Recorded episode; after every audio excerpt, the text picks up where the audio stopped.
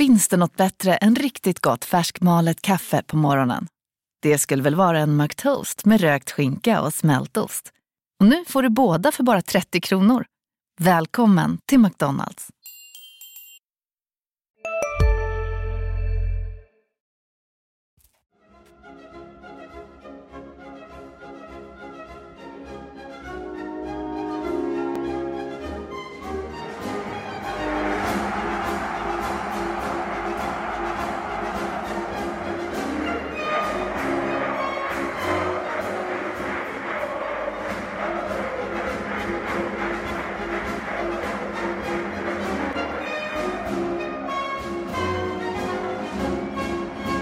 Efter 12 dagars vila är HF-podden tillbaka. Ni fick hålla er till godo med ett dubbelavsnitt veckan innan det. Men nu är vi tillbaka, Marian Svab och eh, Thomas Nilsson. Välkommen Marian. Tack så mycket. Eh, det är väl dig jag ska välkomna tillbaka från du hu- hukar, jag säga. Huserar på Örebäcksvallen i dessa dagar. Så har det varit. Eh, Det är eh, landslaget som eh, pockar på uppmärksamhet inför det som komma skall i Ryssland. Men det är lite rödblå fägring där också. Har jag minst. fattat det rätt att uh, Jan Andersson pratar, intresserar sig mer för HIF än vad han intresserar sig för en viss forward i Los Angeles Galaxy? Han intresserar sig enbart för HF skulle jag säga. Nej. Eh, men däremot eh, när jag sprang på honom eh, inför träningen. När var det? I måndags sprang jag på honom likt en gammal Bröderna Marx-film. Vi sprang runt i svängdörrarna på Hotell Skansen och sen hallå, hallå, hur går det för HIF HF där hemma i Helsingborg? Frågade förbundskapten Janne Andersson som har koll på det mesta. Framförallt är han ett socialt fenomen ju. Och sen eh, utanför så träffar man eh, Emil Kraft, eh, Bologna. Och han frågar profil. dig förstås vad du trodde om Öster. Ja, precis. Verkligen. Nej, vi snackade lite om hur läget var på hemmaplan. Han håller ju tät kontakt med, med HIF. Och sen dundrade in en lagkapten och började snacka parkeringsproblem i form av Andreas Granqvist. Så rödblå fägring i blågult är det. Vem behöver ett VM när man kan prata superettan menar du? Ja, ungefär så. Det ligger ju väldigt tätt eh, på en ändå. Och det, det är klart, både Granqvist och Kraft är ju fortfarande, eller fortfarande, Andreas Granqvist är väl mer intresserad än någonsin för HF. Det var kanske satt ett litet uh, HIF-gäng på, tänkte jag på Skansen eller vad det, Nej, de bor ju inte där nu, jag på Hotell Skansen väl. Jo då, Jaha, jag trodde de bodde nere på det andra, för det gjorde de förr med någon annanstans en bit utanför. Men hur som haver, där var kanske satt ett litet eh, HIF-gäng och tittade på matchen som jag var på plats och tittade på i måndags. Vad tror du? Kraft och Granqvist och kanske inte Janne Andersson som tror jag inte. Nej, att- men de andra där med rödblå sympatier kanske tittade på en eh, match mot Jönköping. Skulle jag tro. Och det blev ju också den tredje matchen i rad där HF tar tre poäng. Också den tredje matchen i rad där Per Hansson håller nollan. HF går som tåget. Som, eh, ja för tillfället gör man ju det ju. Men det tycker jag i och för sig att som tåget, man, eh, när man, det, det är väl klart, det ingår väl ganska mycket i jobbet Eh, som journalist och eh, även när man är läktarexpert att eh, peka på även på saker som inte fungerar. Det är ju så, det är en del av spelet ju. Man, och jag tror faktiskt att man gör det någonstans för att man är ganska nyfiken på att finns det förbättringspotential? Kommer det här hålla? Är det en orsak av rent flyt eller är det av en konsekvent spel? Eh, eh, eh, spel i det, kalla det lite slarvigt spel i det, jag gillar inte det ordet egentligen. Eller vad det nu kan hänga ihop med. Eh, då, det, det, det är därför man också ifrågasätter lite grann att eh, till exempel att det ser lite trubbigt ut men däremot så Eh, försvarsmässigt har det sett jättebra ut i HIF. Eh, det är det, det, det som jag tror att folk, man tittar ju alltid framåt mot nästa match. Ja, för det är väl också att eh, tre... Det är tre matcher som säger ÖIS 2-0, Norrby 1-0, Jönköping 1-0. Och alla har sett lika, eh, olika ut, Ja, men förlåt. alla har precis, sett helt ka- olika karaktärer. Ja. Ja, för på det här pappret står det bara 2-0, 1-0 och 1-0. Men eh, tittar man på ÖIS så är det en bra tillställning. över 90 minuter va? Ja, det är en spelmässigt, alltså där, där, där får man ju en jätteutväxling på sitt offensiva spel som jag tycker HF kontrollerar. Den matchen kontrollerar man tack vare att eh, säga, det är anfallsspelet som vinner, att man vågar hålla uppe långa anfall och så. Det är offensiven faktiskt som vinner den matchen till HF för att man kan kontrollera den på det sättet. Och sen har du Borås Arena, Norrby borta 1-0. Ja, det är en brottarmatch ju. Det är en riktig brottarmatch ju. Eh, det är stökigt, kommer upp där efter en urladdning mot ÖIS och så har man då liksom Norrby eh, där man hade tufft i fjol och där Norrby kanske inte har fått liksom de resultaten med sig. För det är, liksom, det är ett lag som spelar väldigt primitiv fotboll. Och det är jättejobbigt att möta när man kommer upp där. Och så det, den lyckades man efter många om och men, kanske lite grann med marginalerna på sin sida vinna också. Och sen har du Jönköping 1-0. Ja, och det är en helt jämn match.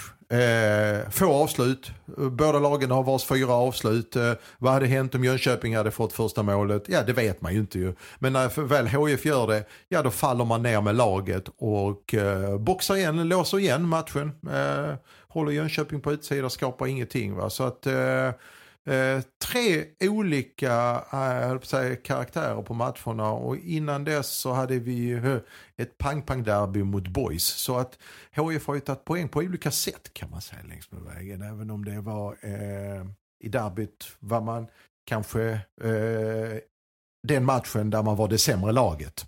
Mm. Och i pausen nu mot eh, Jönköping så snackade i eh, pausintervjun på, på Simon så snackades det om att det hade varit rätt så mycket målchanser och så. Men jag vet att eh, Simon hade ju problem att till och med hitta Ja herregud, Simor-folket, våra kära kollegor hade ju jättejobbigt att hitta highlights. De var ju på, på väg att spränga in lite naturbilder och sånt från Olympia och lite så. För att de fick inte ihop det helt enkelt till några highlights. Jag tror HIF hade enligt statistiken ett avslut och eh, Jönköping hade två. Jag är inte säker riktigt på var man hittade de här tre avsluten. Men det, så, så stod det i alla fall i papperna. Mm. Men eh, HIF ehm, går segrande ur och eh, har en positiv trend. En, en sak jag tänker på är det här, nu var det ju inte så i fallet mot eh, Jönköping att du plockar in en femte back. Just det, en tredje mittback. Just det. Och det är ju någonting som vi har sett med blandat resultat och hjärtan i... Det är en gammal klassiker i och för sig där, som både P.O. och Reine Almqvist har eh, haft eh, som eh, grepp, tagit som grepp tidigare. Men det var väl en... många år sedan var det? Uh, P.O. Ljung gjorde ju det tillsammans med. Reine Almqvist, eller förlåt, Conny Karlsson då 2010. Just det, 2010 ja. 2011 också. Uh, och uh, med gott resultat. Mm. Med en stor skillnad, som du vet. Typ. Som du känner till. Att man har tränat på det. Jag har pratat med eh, en hel del HF-spelare och jag vet att man inte har tränat på femteback. Och då är det ju vanskligt. För det är ju ett vinnande koncept, vi vet det. Eh, det har varit ett vinnande koncept i eh, en del matcher här. Det var inte ett vinnande koncept mot Boys. Boys i derbyt. Man valde att inte göra det mot Norrköping och Örebro. Då tappar man poäng i slutminut. Eh, och mer än så. Man gjorde det mot Jönköping, eller mot Norrby som man lyckades städa ut efter många om och men i slutet där Norrby tryckte på. Mm. Och därför tycker jag att det, det, kan ju vara vägvinnande, men framförallt tycker jag det är lite märkligt om man inte har tränat på det. Framförallt inte i någon, ja, man, man ska enligt uppgift inte ha tränat på det alls. Mm. Och det bygger ju på att ett lag ska då in en tredje mittback som kan städa, som kan ta det där sista ansvaret och skicka ut bollen. Men då kan inte de andra spelarna falla ner. Det kan inte bli en enda stor gröt där ingen egentligen Och det är vad som har hänt ju. Det är ju faktiskt det som har hänt. Trots att man har gått segrande ur vissa av dem och när man har valt att inte göra det tappat poängen då. Men... Eh, Mot Jönköping valde man att inte göra så ju. Utan det, fortsatte enligt eh, lagd matchplan så att säga. Och den kändes väl lite kändes inte den 1-0-segern tryggare än 1-0-segern mot eh, Norge? Absolut, det gjorde den för att där fick man ändå trots allt, alla visste sina roller. Eh, det blev inte sådär så att man satt och stod och tvekade kanske som spelare. Okej, okay, var ska jag bli av i allt det här nu när vi har fått in fem, en fembackslinje? Utan man fortsatte gnugga på enligt eh, mallen och då fick man också en hel del. Jag tycker faktiskt HIF eh, borde kanske utnyttjat det. Det är väl det som man kan hålla emot HIF i den matchen.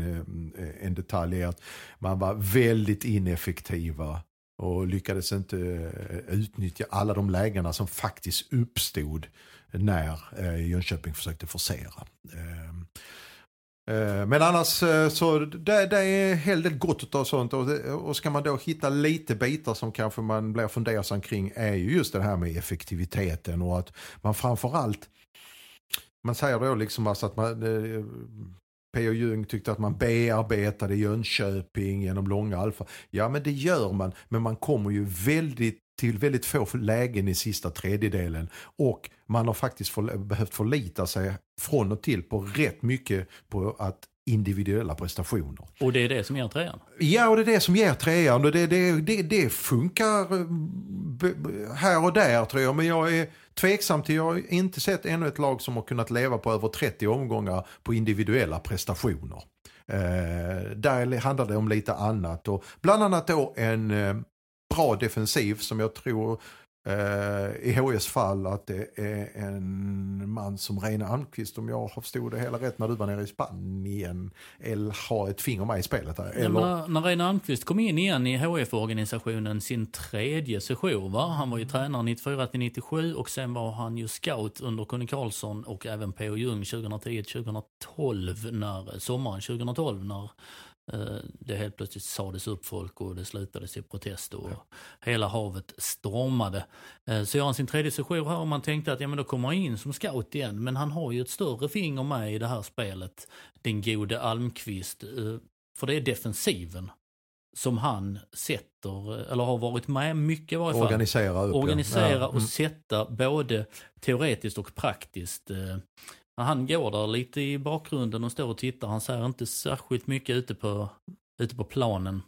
Eh, men sen när de kommer in så har han de teoretiska bitar som, som, han, har, som han har varit med och satt. Och det, defensiven, ja, det är ju så. Det är ju så vi bygger fotboll i det här landet och på andra ställen. Sätta det är väl så Jan Andersson, om jag bygger sitt land. Det det, Väldigt svensk modell. Ja men så, så är det och eh, det är väl rätt sätt att börja, börja på också. Den sitter ju och eh, vi har ju sett eh, ytterbackarna är ju, om vi, om vi tittar på, på bara liksom positioner så sitter vänsterback, högerback, det vet vi. Det är Adam Eriksson och det är eh, Anders Randrup. Och, men sen har det ju suttit där inne också, trots att det har snurrat rätt rejält. För det har varit Kalle Johansson, Fredrik Liverstam, Fredrik Liverstam, eh, Kalle Johan, nu snurrar jag bara, Charlie Weber va? Mm. Ja, som kom in och gjorde det bra, som har, egentligen borde ha rostat fast där ute på, på bänken. Men Charlie Weber kommer in och gör det bra, vet precis vad han ska göra. Och det finns eh, en trygghet, känns det som. Även om man på något sätt har gjort, gjort avkall på sin egen trygghet i slutminuterna. Kanske en del beroende på den här fembacken vi har pratat om. Precis. Men eh, är, man ser ju också att de här två av de här lagen som har kanske, HIF har ju ändå trots allt får man säga, uppträtt under hela säsongen. Man har förlorat en match. Det får vi aldrig glömma. Och det förlorar man mot AFC Eskilstuna. Som är ett annat lag som har gått, men på ett sätt så har de ju haft en besvärligare resa än vad HIF. De har ju den resan som HIFs P.O. Ljung pratade om så ofta i fjol. Att det var så besvärligt för att försöka få ihop laget i vi början. Vi ligger fem veckor efter alla Vi ligger fem veckor efter andra. AFC eh, eh, hade ju motsvarande situation i år. Men de har släppt in fem mål, HIF har släppt in sju mål. Det är ju där liksom, det, det, det, det är kanske de lagen som jag tycker ändå eh, Falkenberg kan vi återkomma till. Men det är de två lagen i Superettan som jag tycker känns stabilast. Alltså som grundlag. Och som sagt, HIF har förlorat en match. Ja, det, det tyder ju på någonting att det finns en stabilitet i det hela. Falkenberg med Hans Eklund gör det jättebra. Jag tror att eh, totalt sett. Men de spelar lite annorlunda. De spelar också, eh, bygger ju Alltså de släpper ju inte heller in speciellt. Men det, det, det känns lite grann som att det blir ett femlagsrace nu. Ja, vilka har du där uppe då? Eh, HF, Falkenberg, AFC har vi nämnt. Jag tror trots allt att Örgryte med den eh, grunden man har lagt, poänggrunden, så bygger det ett självförtroende. Eh, jag tror att de kan hänga med även om de har förlorat nu mot två topplag när de får möta där. Och, och, och, och där, de kommer nog ändå kunna stöka till det lite grann. Och sen har vi Halmstad som jag tror också kommer haka på här. De, de, de började lite grann, fick en väl liten hack i början men eh, förlorade bland annat på Norrby hemma tror jag överraskande. Men nu har man ändå börjat ta tre och spelar kanske liksom eh, eh, spelar poänggivande fotboll utan att det sprakar såklart ju. Men jag vet inte, hur mycket har Falkenberg, har vi en tabell där? Falkenberg har väl släppt in, ska vi kolla lite grann, de har släppt in 12 mål, det är väl inte, det är ju ett mål i snitt. Va? Och sen så har man ju väl gjort flest mål i serien också, 22 stycken. Så att eh, de lever ju mycket på att, de har, bland annat Erik Persson så att säga. Men eh, det är de fem lagen tror jag, det kan bli jättespännande för det här, de här tror jag kommer att jaga varandra hela vägen in. Vi har trots allt klarat av en tredjedel, förutom Halmstad och HF. Mm. Ska vi kolla lite på hur, uh, lite framåt hur lite det ser framåt, ut? ja precis. Uh, för det, nu börjar, nu fram till uppehållet så ser det tajt ut för HFs del. Mm. Då har man hunnit spela väl hur många matcher till? Uh, sex matcher uh, återstår inför uppehållet. Det är en månad dit i princip. För uh, så här ser det ut.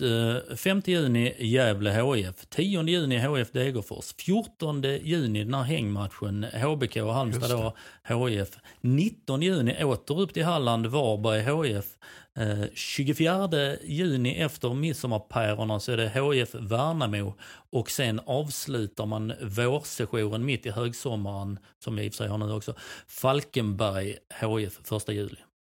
Det är tajt där. Det är väl en fem matcher emellan där ungefär och framförallt så är det väl fyra bortamatcher. Uh, det, och efter den här perioden har man väl spelat mer än halva serien. HF 6, nej 15. Då har man spelat 15, 15 matcher, matcher. precis halva serien. Och eh, det gäller att ha positionerat sig till det. För sen som sagt var, sen kommer ett transferfönster. Och där kommer det väl eh, lag som till exempel som jag tror AFC har lite muskler. Är de med då så kan de ju ta in lite folk. Eh, HF kan vi återkomma till men det är en annan sak. Det som bekymrar mig lite grann med HFs trupp nu, det vet jag, det har vi väl varit inne på tidigare, är just det här med att man har valt den här vägen. Det är helt okej okay med tunn trupp, att man har gjort ett val. Men man har ju sett också på vissa spelare här nu som har spelat otroligt mycket. Det är, och eh, i dagsläget bedömer jag som att till en startelva så ser nog tränaren, skulle jag säga, att man använder 12-13 spelare. Mm. Det är vad du har idag tror jag. Liksom. Bredare truppen så. Liksom. Sen så finns det alltid de här, man såg bänken nu senast, alltså Seger, Thulin, eh, Timossi och de här. De kan ju göra, gå in och göra jobbet, de ska klara av jobbet. Men man ser också att tränarna litar först och främst på kanske ta, ha ett urval av 12, max 13 spelare. Ja, du kan säga, jag kan ta bänken där. Då ska vi veta att Dajan Bojanic, eh, ordinarie, mm. Mikael Dahlberg, nära ordinarie, ja. borta. Uh, så bänken såg ut... Och Johan Persson långtidsskadad. Johan Persson långtidsskadad. Bänken såg ut Alex Timossi, Jonathan Larsson, Kalle Joelsson reservmålvakt, Max Mårtensson, Kasper Seger, uh, Kalle Thulin och Jakob Fulkerling Persson. Det är ju inte namn som uh, liksom har än så länge rosat den eh, svenska fotbollsmarknaden. Nej, och det är ju det. Bojanic ska in i den här startelvan istället för Almeida då ju. Men, och då går Almeida tillbaka till bänken. Eh, och då är vi nere kanske i, uh, och, och, det är en sån här uh, spelare som står liksom på gränsen. Många av de här står på gränsen till A-laget eller till en startelva. Mm. Men det är ingen av dem riktigt som kanske går in liksom och jagar på de här etablerade elva som startar i match efter match så de känner flåset i nacken. Det känns inte som det alltså av de signalerna. Och visst, så länge en startelva fungerar och tränarna uh, kan spela spelarna i 90 minuter i match efter match, då är det bra. Men jag tror också att den här perioden som vi tittar på nu och redan nu ser man liksom att Abubakari har ju till exempel ingen, Mohamed Abubakari som är den stora värvningen, han har ingen försäsong i benen ju. Nej, han drog ju äh. sitt uh, revben i princip första eller andra träningen. Precis. Och var borta jättelänge där. Och han, eh, och han spelar nu regelbundet 90 minuter. Spelarna själva säger alltid att de är redo. Och så. Men han har ju trots allt ingen riktig försäsong i benen. Och man ser också till exempel, han har hållit jättehög klass han var mot Örgryte och här mot Jönköping gjorde han väl jobbet. Och sen mot Norrby så dippar han lite. Så det går ju lite grann fortfarande att han, han har nog inte nått den nivån han själv tycker att han ska göra. Även om det inte låter så på honom. Eh, och sen så, så nu så till exempel fick man en eh, eh Mahmoud Moro, eh, bäste poängplockare. Eh, en eh, mycket skum skada. Eh, by the way. Eh, där man eh, helt oattackerat jagar en boll längs med kortsidan.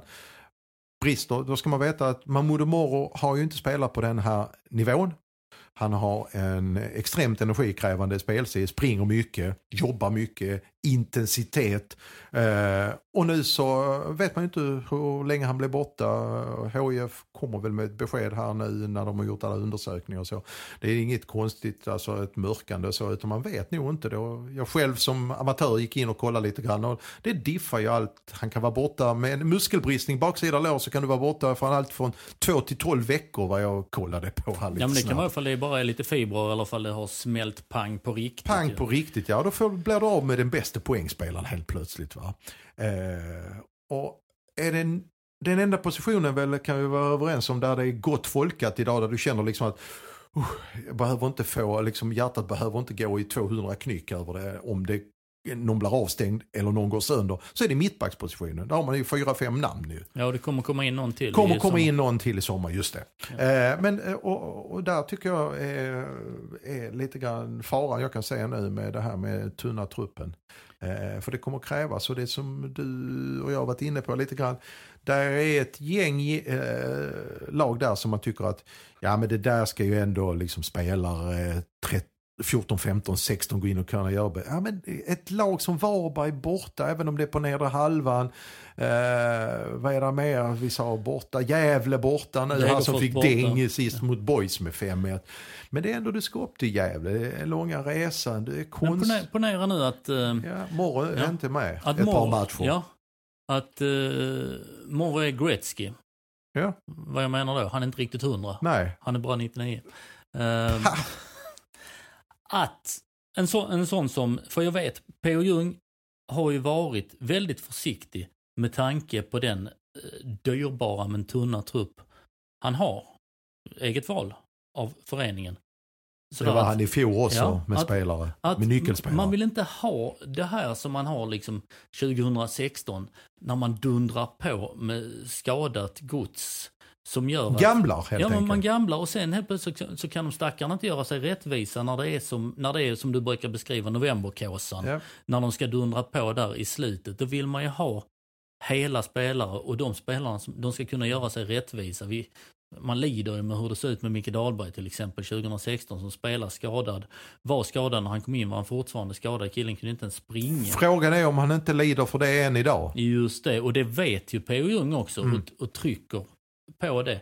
Men, Men till slut kanske han också hamnar i ett läge där han måste just det. tvingas. Och nu Morro, om han då inte är riktigt hundra. Gävle borta den 56, några dagar bort. Säg att han är medicinskt hundra. Ja. Eh, ska han åka med till Gävle tycker du? Ska P.O. Jung matcha sin trupp nu? Ja, I en Mm. optimal värld ska han ju inte med såklart om det finns en fullgod ersättare bakom. Men då är frågan, bedöms den ersättaren vara fullgod? Timossi då i det här fallet Ja, till. Timossi. Eh, ja, alltså det beror också på vilka signaler som har setts ut till dem. För signalerna just nu är det ju att det är 12-13 spelare som klarar av det här som vi ska eh, ungefär förhoppningsvis inte ha nött ner på hörntänderna eh, förrän i omgång 30 när den blåses av. Eh, därtill är man kanske som sagt var tvungen. Och, och det är också någonting som jag utgår ifrån att man tog med i beräkningen när man valde den här vägen. Och gå med den här truppen. Alltså att gå på det här sättet att ta in spets och istället för att ha eh, en trupp på 15-16 som klarar av superettan-spel. Att vi ska ha några riktiga toppar här och så får vi gå ner på att använda 12-13 spelare och så håller vi tummarna för att det går. Det är väl kanske där man är nu idag. Va? Och det är den signalen man har sänt ut kanske till spelare 14, 15, 16, 17. Ganska tydligt dessutom kan jag tycka. Timossi, det är klart att han går in och klarar av att spela en match. Men jag menar, det sprakar ju inte om honom nu när han har fått hoppa in så här. Va? Liksom det är tvärtom så det är en kombination av frustration, eh, att vilja jätte, jättemycket och så hittar man inte i balans i det här när man kommer in utan det bara är, jag menar den här senaste matchen mot Jönköping kom man in och börjar, börjar nästan direkt med en feltajmad tackling som mycket, mycket väl kunde sluta illa för HIF genom det att de hade, rött då, va? Det osade rött om den tacklingen ja. Eh, så att eh, det är lite sådana grejer och eh, då gäller det att hålla alla spelare på, som det brukar heta, på gott humör truppen och känna att de, en gammal klyscha till, att de är delaktiga. Att de är delaktiga i, i bygget. Och det är kanske lättare med en yngre spelare kanske, jag vet inte. Mm. Återstår att se. Mm, men det kanske måste ju, det måste ju på pappret komma in någonting. Eh, för som sagt för de andra kommer ju agera, de andra trupperna. Liksom. AFC mm. har väl lite muskler och så. Det måste komma in, realiteten för HIF är en annan och det vet ju du. Ja, det är bara att titta, man, man läser runt lite och det snackas om att nu ska han komma in, nu ska Marcus Holgersson är redan klar var det någon som sa. Och vad ska, behöver de en sjunde mittback efter Andreas Granqvist? Svar nej va. Uh, och sen pratas det Rasmus Jönsson, vi kan väl åter, återkomma till honom. Men man ska ju veta det. HFs ekonomi är på ren svenska piss. Det, det, är bara, det, bara, det bara att ta till sig. Nu kommer att, det komma höras i podden. Beep, när du säger. just, att det, de, de måste, eller folk måste ju vara medvetna om hur mycket pengar HIF inte har. Man är ju återbetalningsskyldiga till, eh, du har ju pengar innestående för liksom eh, framtida spelarförsäljningar och sånt. Du är inte på Grönkvist. Man har naggat på Olympia Invest rejält. Det, man måste, hur tråkigt det än är, måste man ha den verklighet som HIF själv har genom historien försatt sig i. Eh, du måste veta det. Och på, då kommer vi väl på något sätt in på vad ska man göra i sommar? Eh, ponera att truppen är som den är, här och nu. Alla spelare stannar. Rasmus Jönsson. Som, eh, har, har man råd att plocka in honom? Ja, då ska man ju veta att ordförande Christer Aselius är ju fortfarande väldigt, eh, eh, liksom ofta påpekar att man lever fortfarande under den här bördan att man åkte ut omställnings, äh, säga, äh, omstruktureringar till ett nytt liv. Och då ska du veta att ekonomin... Har du också valt att bli egen? Då är det viktigt att skaffa en bra företagsförsäkring. Hos oss är alla småföretag stora och inga frågor för små. Swedeas företagsförsäkring är anpassad för mindre företag och täcker även sånt som din hemförsäkring inte täcker. Gå in på swedea.se företag och jämför själv. Hej, Synoptik här. Visste du att solens UV-strålar kan vara skadliga och åldra dina ögon i förtid? Kom in till oss så hjälper vi dig att hitta rätt solglasögon som skyddar dina ögon. Välkommen till Synoptik. Det var ett haveri redan innan. Ja, innan. Och eh, det här omställningsåret 2017 det tog ju inte slut den 31 december. Utan det hänger med fortfarande i, rätt hög utsträckning. Väldigt. Man lever, väldigt hög utsträckning lever man under det, jag säga, oket. Eh, och, och, och, och kommer få göra, eh, tror jag, under en lång tid framöver också, som det ser ut idag. Eh, och jag vet inte, det är... Eh, jag tror och hoppas att man står emot det yttre trycket från, inte bara från supportrar, för det där kan man ju alltid, liksom, de, de kommer alltid vilja ha hit en Ronaldo, en Rasmus Jönsson eller vad det nu än är. Alltså på översta, allt på översta hyllan, hit med det ungefär. Ja, men det är ju, det är ju, det är ju, det är, det är charmen med att... Ja, det är charmen med att vara supporter. Men sen har du också faktiskt, tror jag det finns också ett inre tryck när tränarstaben eh, givetvis genom chefstränaren P.O. Ljung, har eh, gått ut väldigt subtilt emellanåt och tryckt på det här med alltså det är, är explicit liksom fråga, eller, frågan är då Kan vi klara 30 omgångar med den här truppen? Ja, det får vi se. Det där är en passning någonstans när, uppåt. när vi har skruvat upp förväntningarna på max, Ja. vilket vi har gjort. Men, det brukar komma något lite kom- subtilt då att ja, det, det hade behövts en till. Och den en till är ju ofta Rasmus Jönsson man tittar på. Ja, och han är ju, nu läste jag ju en intervju med honom nyligen på Allt om HF-bloggen. Mm. Och där så, Eh, förutom det här vanliga, eh, ja, det här var vanliga köret eh, som alltid har snurrat runt kring Rasmus Jönsson frågor, eller svar på vissa standardfrågor. Så var det en sak jag noterade faktiskt som var lite intressant och det är att, eh, så här säger Rasmus i intervjun här, att jag tror det viktigaste för mig är att jag känner att jag inte blir tagen för givet, utan ska jag hem nu så ska det vara för att jag känner att HF verkligen vill ha hem mig. Och det, det, det, det fastnar jag för. Vad utläser du ur, det? Eh, jag utläser som så, varför säger han detta överhuvudtaget? Varför skulle HF ta honom för givet? Var får han det ifrån? Eh, är det vissa grejer som, de har ju haft kontakt med varandra hela vägen han och Christer Aselius ordföranden ju. Är det någonting som har hänt på sistone? Är det att HIF har ju inte så, så att säga slutat höra av sig till honom. Brutit kontakten, liksom dratt ut pluggen och så. Va? Det tror jag inte.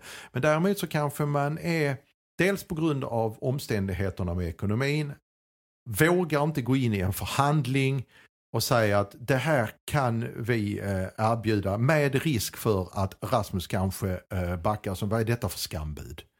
Eh, eller så har han fått indikationer någonstans ifrån att kanske, eh, eh, och det tror jag inte HIF har varit så korkade att de har sagt, "Du, väntar vi bara, han, han kommer hit för han vill så himla gärna till oss. Det vill han, självklart. Men han ska ju ha skäligt betalt också ju. Han kommer inte spela för 15 000 i månaden. Han är väl ändå trots allt, vad är han, 26 nu? 28. Till och med det. Jag fick 26 ifrån. Han har varit det. Ja, han har varit det. Men 28 säger att han har eh, två bra kontrakt kvar att skriva. Mm. Eh, då tror jag säger att han har då sex år kvar, eller två treårs kontrakt kvar. Eh, och med vetskapen om vad till exempel en lagkamrat, eventuellt framtida lagkamrat som Per Hansson har, fick när han kom hem. För det löstes ju på ett annat sätt ju. Mm. Den lösningen, HF kan inte lösa Rasmus Jönsson själv. Utifrån de villkor han ställer, tror jag. Nej, det är ju det som ställer det lite, vad var citatet där, tar mig för givet. Tar mig för givet. Ja, ja och det är ju, HIF är ju, HIF vill ju med till alla budstående medel få hem sin Rasmus Jönsson. Såklart. Han har ett enormt hjärta eh, för HIF, men till budstående medel är för tillfället inte mycket. Och då Eh. tror jag HF väljer att backa istället och säga att istället för att vi erbjuder honom så han känner sig, jaha, okej, vad tror ni om mig egentligen? Okej för att jag är hif men istället för att riska det så tror jag att man ligger lågt här och försöker säga, ja, vi tittar på vissa lösningar och sådana grejer, men det är inte säkert att det kommer att gå. Nej, jag tror, att, jag tror det är ärlighet i alltihopa Jag här tror från- också. Från, från alla möjliga håll, men det är bara det finns en verklighet. Ja, Eh, Rasmus är värd X eh, och HIF har Y. mm. Så. Och få ihop den ekvationen är, är tuff. ja det, vi snackar om en sjusiffrigt givetvis, om en, på, över tre. Han vill inte eh, komma hit och spela för ett halvår, ett år för att spela ut. Kommer han hit så spelar han på ett längre kontrakt. Va? Och då snackar vi ett sjusiffrigt belopp i hans fall också med Mm. sign-on-bonus och allt. Mm. Det säger sig självt ju. Ja, och det är, ju, det är ju svårt att göra de här externa lösningarna som vi vet ju att per den 1 maj 2015 kan man inte ha tredjepartsägande rakt in i eh, eh, Eh, klubbarna, eller i trupperna. Ifall man inte heter Manchester City eller Paris Saint-Germain eller, eller något sånt. Då löser du det på annat sätt. Men i den här föreningsstrukturen, eh, du kan ju göra som Resursbank då gjorde eh, huvudsponsorn, mångåriga, de som också har pengar innestående. Att eh, man hjälpte till och löste Per Hansson genom att teckna ett nytt eh, huvudsponsoravtal och eh, lägga då en stor klump på eh, spelaren. Och eh, då teckna ett nytt avtal där, pe- där pengarna eh, Togs det ändå? togs till det i princip för, förhandsbetalt. Ja. Vilket gör ett hål i fram, eh, framtida 2018 har du ju då ingen ny huvudsponsor. Pengarna finns, är ju redan inne i Miljoner, ekvationen. miljonaffären är Ja. redan gjord med Per den, Hansson. Den är redan gjord ja. Över då x antal år.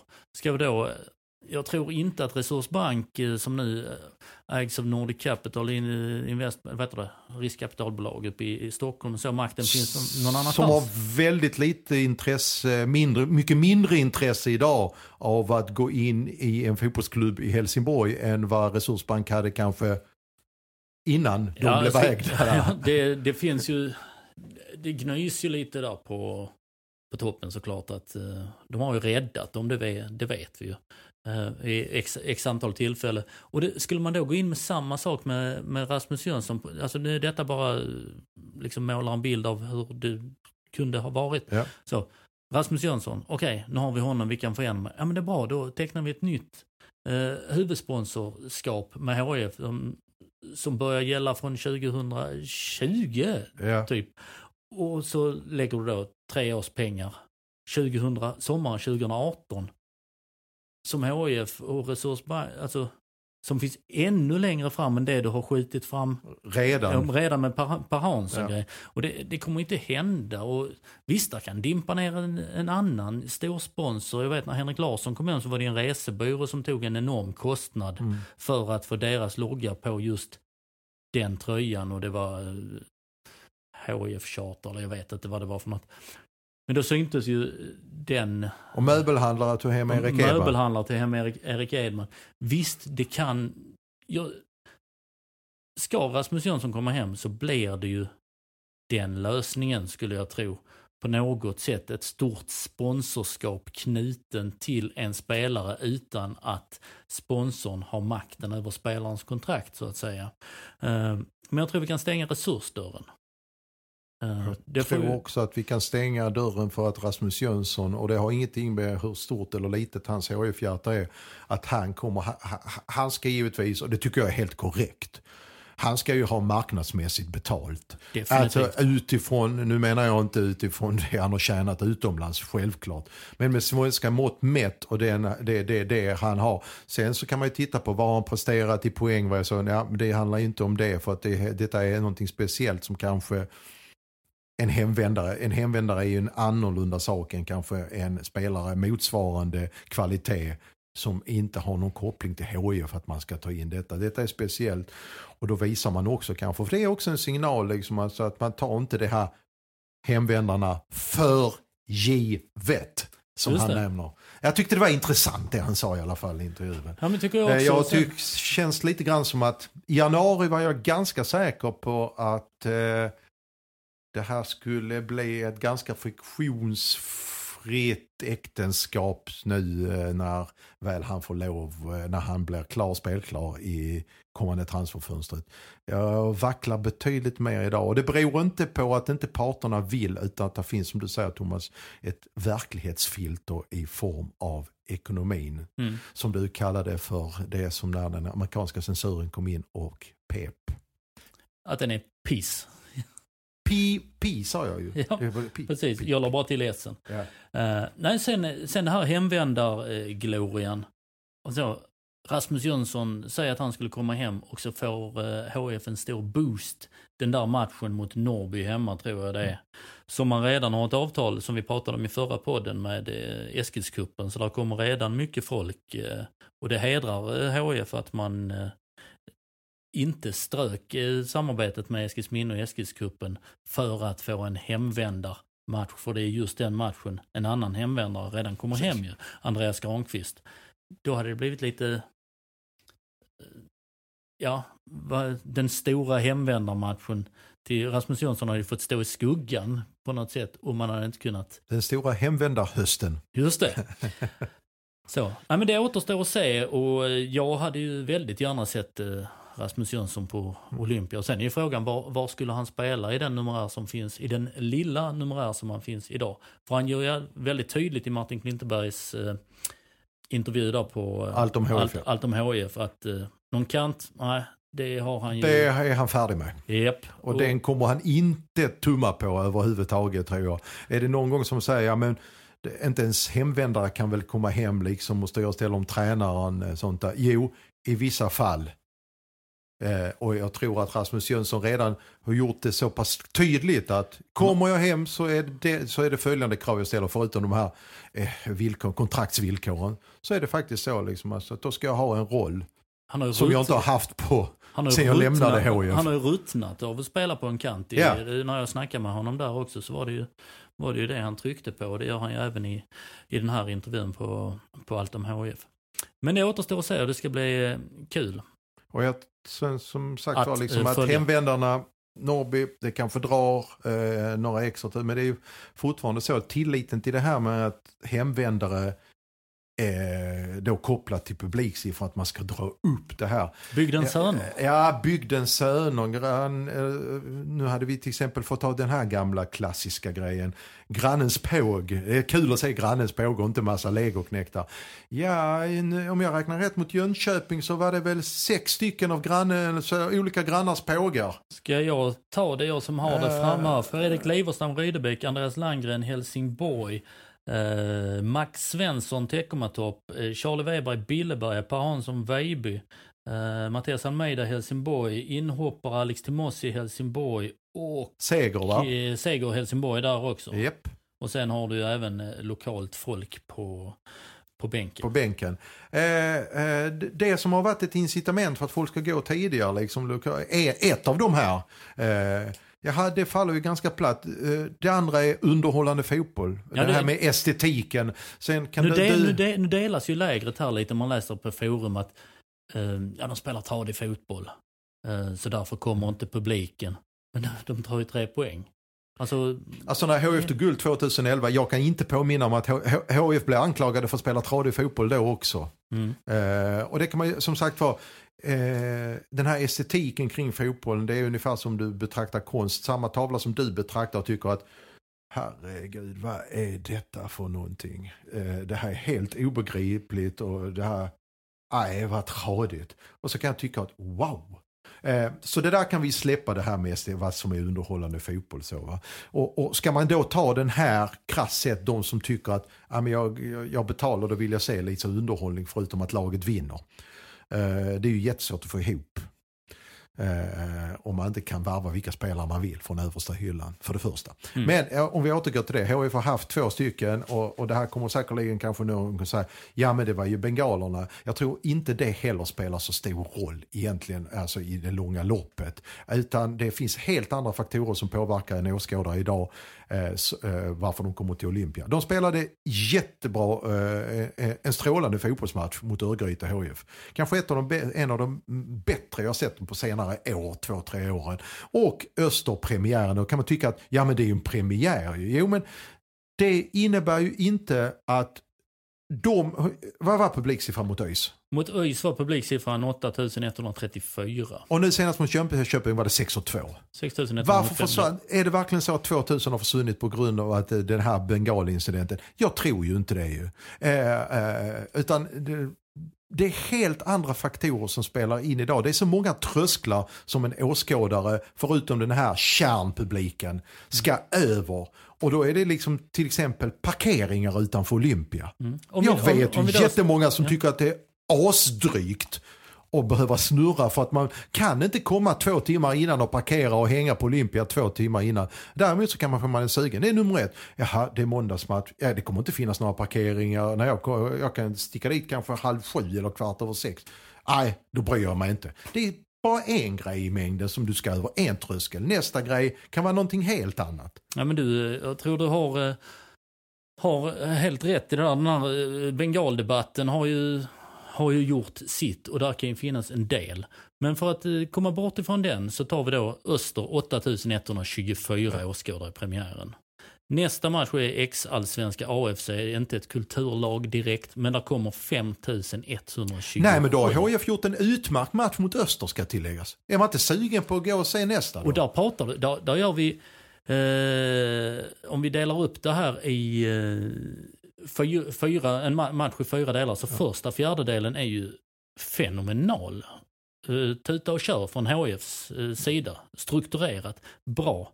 Och de tar en kassaskåpssäker Och då ska man också tillägga att man har en bra Obesegrat. försäsong eh, i ryggen också.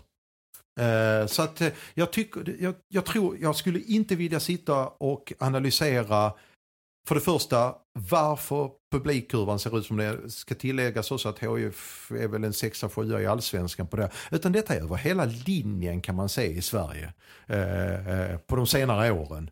Där det, där det, framförallt det här kanske att publiksiffrorna kanske inte diffar i numerären kanske sådär mycket men vad det gäller rent ekonomiskt vad som kommer in per åskådare diffar det ju enormt mycket. Jag menar HF hade 6 och 2 här och totalt sett så är man rätt nära budget på det här 7,5. Även om det står annorlunda på förbundets hemsida men det räknar man ju. Ja men vi kan räkna det, det handlar ju om att HF har ett snitt på 6 826 mm. åskådare. Just det. Åskådare. Åskådare. Ja. Men däremot har ett biljettsnitt på eh, 7457. Och då ligger man rätt nära den 7 500, eller man ligger på 7 500 som man är budgeterad. Det var väl 7 500? Ja, men sen har du budgeterat med 115 kronor per biljett. biljett. Då är det helt plötsligt intressant vad som kommer in där. För det räcker ju som du brukar säga att ja, det räcker att man helt plötsligt behöver som nu när man behövde göra den här driven med 100 spänn för alla sittplatser, de bästa. Plus att man pytsade ut rejält med biljetter till skolor. Uh, då är vi kanske inte uppe i 115 spänn per biljett längre. Nej, då drar du ju rätt snabbt ner, ner det och då blir ju att jobba sig uppåt är ju procentuellt väldigt, väldigt svårt. Jag, jag vet att du har haft en diskussion om uh, alltså det här med att jaga ny publik versus att ta hand om sin nuvarande kärnpublik. Det är ja, kanske lite, ditåt där man måste börja se. Vi är lite olika skolor där. Jag vill ju att, för det finns ju inget bättre än en, en full arena. Absolut. Så, jag är liksom, vad ska man göra? Vilka, du får faktiskt tänka PR-knep. Kan, kan liksom supporterfundamentalister säga vad man vill och att det är vi som är hardcore och så, vi som är där, som räknas. Fint, nobelt, allting. Men rent ekonomiskt så är det en eh, förkastlig tanke. Så är det. Hur ska man göra för att få folk att komma till eventet? Om man, om man säger så. Eh, och jag vet att du, du menar att man ska värna om de som är där. Ja, vilket man prioritera. också ska. Prioritera, så för det, det, någonstans kommer man ju till en punkt. Det kanske är så idag att HF, det man snackade alltid om innan att eh, på Lasse Olssons tid, gamle klubbdirektören. Mm. HF, eh, oavsett hur bra eller dåligt laget gick under en säsong så hade man alltid 10 000 eh, i snitt och eh, 4 000 sålda årskort. Ja, något sånt. Den tiden är ju förbi. Idag är du nere väl på två eller två och ett halvt, tre någonting sålda? Uh, exakt 3235 ja, okay, sålda årskort. Det är något bättre än förra året uh, för att då delade du ut 300 separata årskort till uh, pojklag och sådana bitar. Okay. Det, det, är rensat så att det är Eh, Eh, pengar, eller årskort som genererar pengar 3200. Och så har du utöver de tre och två kan du säga, eh, har du kanske, säg, man brukar säga 1500-1800 till. Så du har en kärnpublik på 5000 idag, tror jag faktiskt. Det är där det ligger nog någonstans. Man kanske ska se till att värna dem i första hand eh, och, och, och, inte bara liksom ta, nu är vi där, ta för givet igen att de år efter år efter år. För det var ju så lite grann om man ska ta en parallell till tidningsbranschen. Vi har ju motsvarande, vi låg ju på över 90 000 i X. På gamla eh, pappersexemplar, gamla HD. Och sen sjönk det när eh, hela omstruktureringen i mediebranschen kom. Och idag så är vi inte i närheten av den siffrorna. Men vi måste tänka om och då är det att värna de här trogna prenumeranterna. Även om du som brukar säga man gör punktinsatser längs med vägen för att få till exempel det här som HIF gjorde nu, att man, eller att vi går ut med en kampanj. Mm. Men samtidigt är det så att på den tiden då hade vi 90 000 prenumeranter. Nu når vi fler genom eh, internets eh, eh, intåg på, på banan och vi tar betalt för vår eh, journalistik ut och vi når fler. Lite där kan jag väl säga samma sak med, med HIF. Fler personer kan se HIF idag och ser nog HIF Fler personer ser HIF idag än när du och jag eh, satt på betongläktaren och innan det träläktarna på liksom eh, gamla Statena-kurvan. Så gammal är åtminstone du. Eh, men nu, nu är det att jag tror att det är som jag brukar säga till eh, vår god vän Bergslagsbon Mattias Hjelm som alltid förundras över kynnet i Helsingborg som stad. Att jag tror helsingborgaren är bekväm. Du har parkeringsbiten, Du har, eh, jag kan sitta hemma och säga jag måste klippa gräset så att det är bättre att jag gör det än åker in. Och då ska vi veta att jag har robotgräsklippare till och med.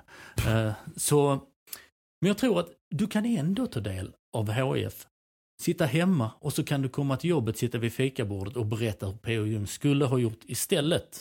Och de, de i och för sig, då, Simor betalar väl eh, eh, pengar för att som pytsas ut även om det kanske är, men det, du får ju inte, Och, och Du får ju om, bara om en två år liten kommer del. en, en ny medieaktör betala ja det är det jag menar, men där vi kanske tar in eh, samtliga kronor på ett premiumabonnemang. Om man säger så som, eh, för, som eh, privat företag. Så är det så att detta är en, eh, det, det går ju via mellanhänder det som HIF spiller över på HIF via Simor. Eh, när du eh, loggar in dig eller köper hem matchen eller Mm. ett abonnemang tar på Simor. Så visst, det kommer HIF till gagn. Mm. Men inte alls de där 115 kronorna om vi säger så. Nej, det finns ju då publikintäkter och så finns det medieintäkter där medieintäkterna Ja. Eh, kommer på just Och speciellt i Superettan så är det kaffepengar ju. det, är, Dessutom. det är ju så, så därför är det så viktigt också för HF att, att gå upp för att ta del när det nya, nya medieavtalet. Vi har pratat kommer. mycket publik denna våren i podden och det, jag tycker det är intressant. Jag tycker det är oerhört intressant. Jag, jag undrar vad eh, våra läsare, eller i det här fallet lyssnare, tycker att man ska göra konkret. För att vi skulle kunna göra någonting tillsammans med er lyssnare där. Hur ska man göra för att eh, HIF ska få publik? Vad tycker ni? Och inte det här då att... Eh, Lite mer konstruktivt än bengaler tack. ja, precis. En bengalfråga. Ja, för även om det är en del av det så är det inte hela biten Ja, jag det. säger gärna en konstruktivt. Alltså, där finns ju säkert begåvade människor som kan komma in och tycka till. Alltså. Och inte någon som säger liksom alltså att ja, men satsa två miljoner extra på, på marknadsföring. Eh, ni får ta med allt i beräkningen Ja. med HIFs ekonomi och vad man kan göra. Vara lite innovativa, vara lite sluga. Sådär, tjå- få ett tjån sluga. Och, Precis, för att, och sen två miljoner på marknadsföring, det är ju jättelätt, men hur? Köpa en luftballong med där det står HF på eller eh, eh, whatever. Var ska de höra av sig Thomas? Eh, jag var säger som sporten at hd.se. Sporten at hd.se. Och så märker den här, vad heter den här lilla raden när man skriver Eh, ärenderaden. ärenderaden, vad ska man skriva där? HF-publik. HIF-publik. Skriv HIF-podden eh, publik. HF-podden publik. Så kan vi sålla ut det från de andra när BTK Rekord kommer med sina pressmeddelande eller Ryttarföreningen eller något sånt från Åstorp. Eller något. Exakt. HF-podden publik. Och så ska det bli intressant att vara nu konstruktiva på, på det här. Vad ska HF göra för att vi ska veta att inom ett par år så ska de ha eh, 11 000 Ja, det var exakt. Jag var Ja. på Jakob Hansen när eh, de hade en dragning i höstas. Efter säsongen tror jag till och med det var. Och det var rätt intressant dragning faktiskt. Men där hade man en målsättning att följa det så hade de ett par punkter. Inom 48, eller man skulle ha 48 månader på sig. Mm. Fram, då blir det 2020 någonstans vi är där. Och eh, då ska man bland annat upp i de där 11 000 som ska generera 115 kronor per. Och där är, jag kan inte se det, även om HIF skulle ta steget upp i allsvenskan blir otroligt svårt att nå det, det snittet. Jag vet inte, du har väl bättre koll på historiskt sett hur det har varit. Men man gjorde väl någon insats 2010? Har jag för mig. Eh, 2010 halverar man 30 april, tror jag det var, efter fyra spelade matcher. HIF gick fram som en ångvält. Det är Sveriges bästa lag då. Japp. Eh, och eh, man halverar alla biljettpriser rätt av för att eh, publiken uteblev. Det var bara ett snitt på typ 9175 eller någonting sånt andra tider. Men då gjorde man en sån insats och, Mm. Och då det, har man ett, alltså, ett bra lag, eh, man eh, skövlar i, under de här, vad är det första tre, fyra hemmamatcherna? fyra. Fyra. Ja. Eh, Så jag tror att eh, det, det är någonting det där med om resultaten, hur viktiga är de? Eh, Är Det är också det. Ja, är det resultaten? Är det attraktiv fotboll? Är det parkeringsplatser? Eh, vad är det? Och det ska bli intressant att höra ifall vi överhuvudtaget får något mejl här. Ifall någon är... Ja, precis. Ja. Alltså. Eh, Ja. Jag hoppas det. Jag hoppas ifall vi kan göra något eh, spännande och kul på, på detta rent journalistiskt. Bra. Och du, eh, jag eh, förstår att du ska skynda iväg till den här landslagsbubblan snart igen. Vi ska väl hasta iväg och se vad de kan hitta på i Båstad innan HIFs Andreas Granqvist och ex-HIF-aren Emil Kraft kan göra mot ex-HIF-aren Åge Hareides Danmark som är på lördag va? Hinner du med podda någonting innan du drar iväg till den ryska tundran? Det, det ska vi absolut hinna med. Vi satsar väl på att eh, podda lite även i nästa vecka. Sen får ni hålla den rödblå fanan högt menar jag. Ja, ja det går podda från Ryssland också. Det gör det. Da. Ska vi stänga butiken där Svab? Ja, tycker jag. Då gör vi det. Tack.